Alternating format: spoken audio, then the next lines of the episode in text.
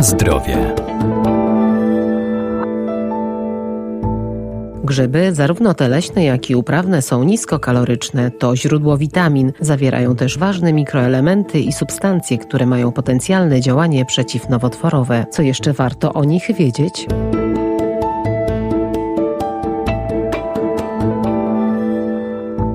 Grzyby, wbrew powszechnej opinii, posiadają nie tylko walory smakowe czy zapachowe, także wartości odżywcze, ale należy je odpowiednio przygotować i właściwie przechowywać. Grzyby, wbrew takim utartym stereotypom, posiadają cenne właściwości odżywcze i dobrze byłoby je e, włączać do naszej codziennej diety. Dr Wojciech Radzki, Wydział Nauk o Żywności i Biotechnologii Uniwersytetu Przyrodniczego w Lublinie. Grzyby cechuje to, że są niskokaloryczne, zawierają małe ilości tłuszczu. Co więcej, cechuje je wysoka zawartość błonnika pokarmowego, jak również są źródłem wielu witamin, na przykład z grupy B, ale istotne jest również to, że grzyby zawierają wiele związków aktywnie czynnych, a więc takich, które korzystnie wpływają na nasze zdrowie, mogą zapobiegać e, powstawaniu różnych chorób, czy nawet powodować cofanie ich.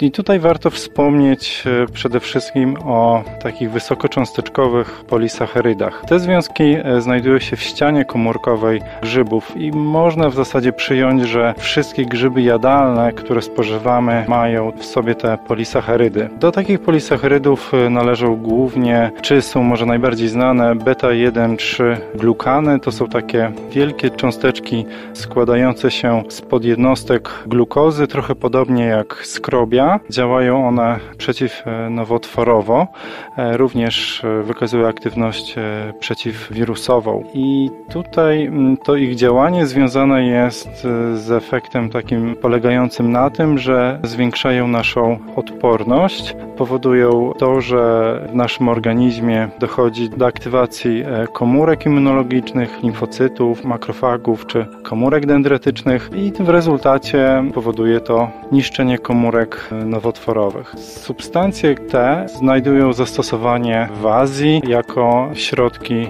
przeciwnowotworowe i są stosowane przy kuracjach, przy tych schorzeniach.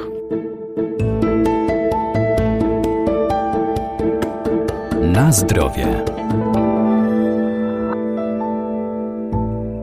Grzyby to źródło witamin, w tym witaminy D. Warto również pamiętać, że grzyby zawierają też związki, które obniżają prawdopodobieństwo występowania chorób sercowo-naczyniowych. Do takich związków należy błonnik y, pokarmowy, ale również są też substancje o niewielkiej masie y, cząsteczkowej.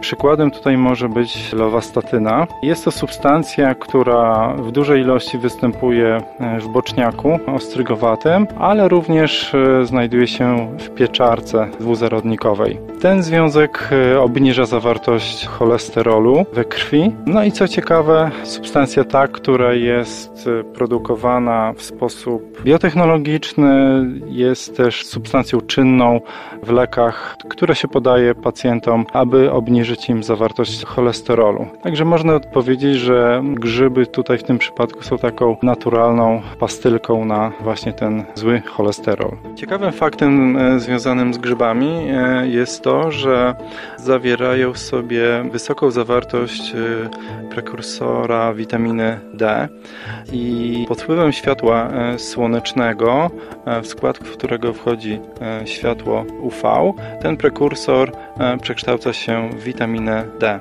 A więc grzyby, które rosną z dostępem do światła słonecznego, zawierają wysoką zawartość tej witaminy. Również można to wykorzystać w ten sposób, że możemy też e, suszyć e, grzyby na świetle słonecznym. Na pewno to zwiększy zawartość tej witaminy.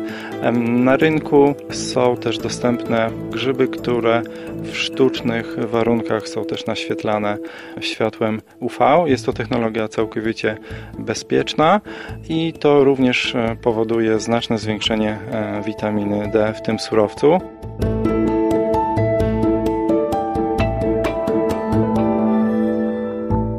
Spożywanie grzybów nie jest jednak dla wszystkich wskazane, bo mogą być ciężkostrawne. Warto też pamiętać, że grzyby nie powinny stanowić dania podstawowego, ponieważ nie zawierają wszystkich składników odżywczych niezbędnych do rozwoju i wzrostu organizmu człowieka.